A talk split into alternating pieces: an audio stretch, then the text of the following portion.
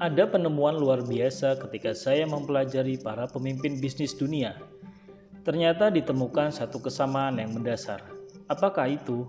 Yaitu mereka kental akan sisi spiritual terlepas apa pun agamanya. Ini dapat dilihat dari filosofi dalam menjalankan bisnis serta kebijakan yang diambilnya. Inilah kecerdasan yang tidak dimiliki kebanyakan orang.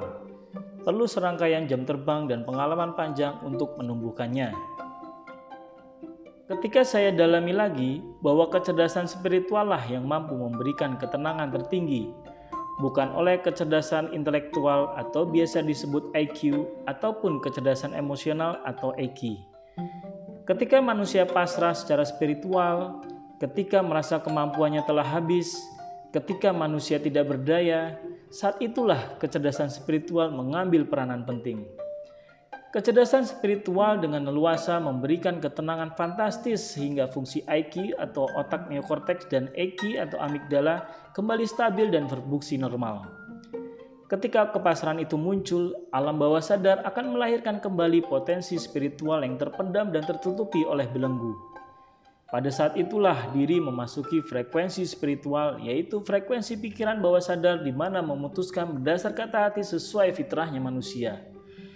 Majalah Fortune dalam artikel Seven CEOs with Notably Devout Religious Belief, salah satu edisinya menyajikan profil tujuh eksekutif yang secara terbuka mengakui menjalankan prinsip-prinsip iman dan agama di tempat kerja dalam membangun karir dan kepemimpinan mereka. Asal tahu saja mereka ini bukan eksekutif main-main loh. Perusahaan yang mereka pimpin masuk dalam daftar Fortune 500. Ketujuh eksekutif ini berlatar belakang agama yang berbeda, namun mereka memiliki pengalaman yang mirip, yakni dalam bekerja mereka diinspirasi oleh spiritualitas, baik di dalam maupun di luar ruang kerjanya. Menurut Andrew Wicks, profesor administrasi bisnis di University of Virginia Deden School of Business, banyak eksekutif tidak terbuka, bahkan menyembunyikan agamanya karena khawatir hal itu menjadi masalah besar di mata orang. Padahal kata Wicks yang di kampusnya mengajar mata kuliah Faith, Religion, and Responsible Decision Making membuka diri tentang keyakinan yang kita anut sesungguhnya penting. Iman dan keyakinan tutur dia merupakan aspek yang sangat kuat bagi seorang CEO mendefinisikan dirinya. Demikianlah gambaran barat bahwa sisi spiritual sangat mempengaruhi para pemimpin perusahaan dunia. Tekanan persaingan bisnis ditambah problema kehidupan memaksa untuk mencari sandaran. Inilah fitrahnya manusia. Sama juga terjadi pada perusahaan-perusahaan Jepang dan Korea seperti raksasa Samsung. Filosofi sang CEO sangat kental akan spiritualitas, bahkan diterapkan sebagai culture perusahaan.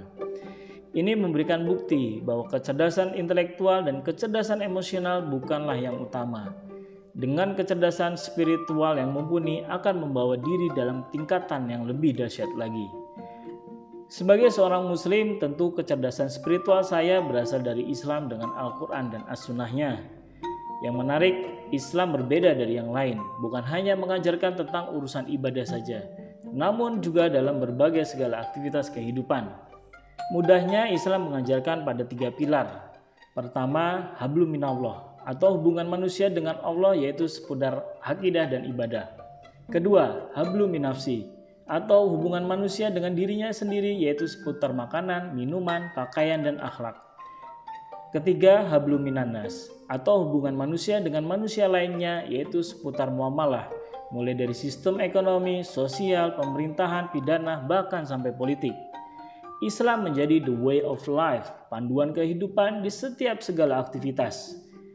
Oke, dari penjelasan di atas, maka mulai sekarang optimalkanlah ketiga kecerdasan tersebut, baik cerdas secara intelektual, cerdas emosional, dan yang utama cerdas spiritualnya. Allah Subhanahu wa taala memberikan anugerah, tentu kesemuanya memiliki fungsi yang saling berperan.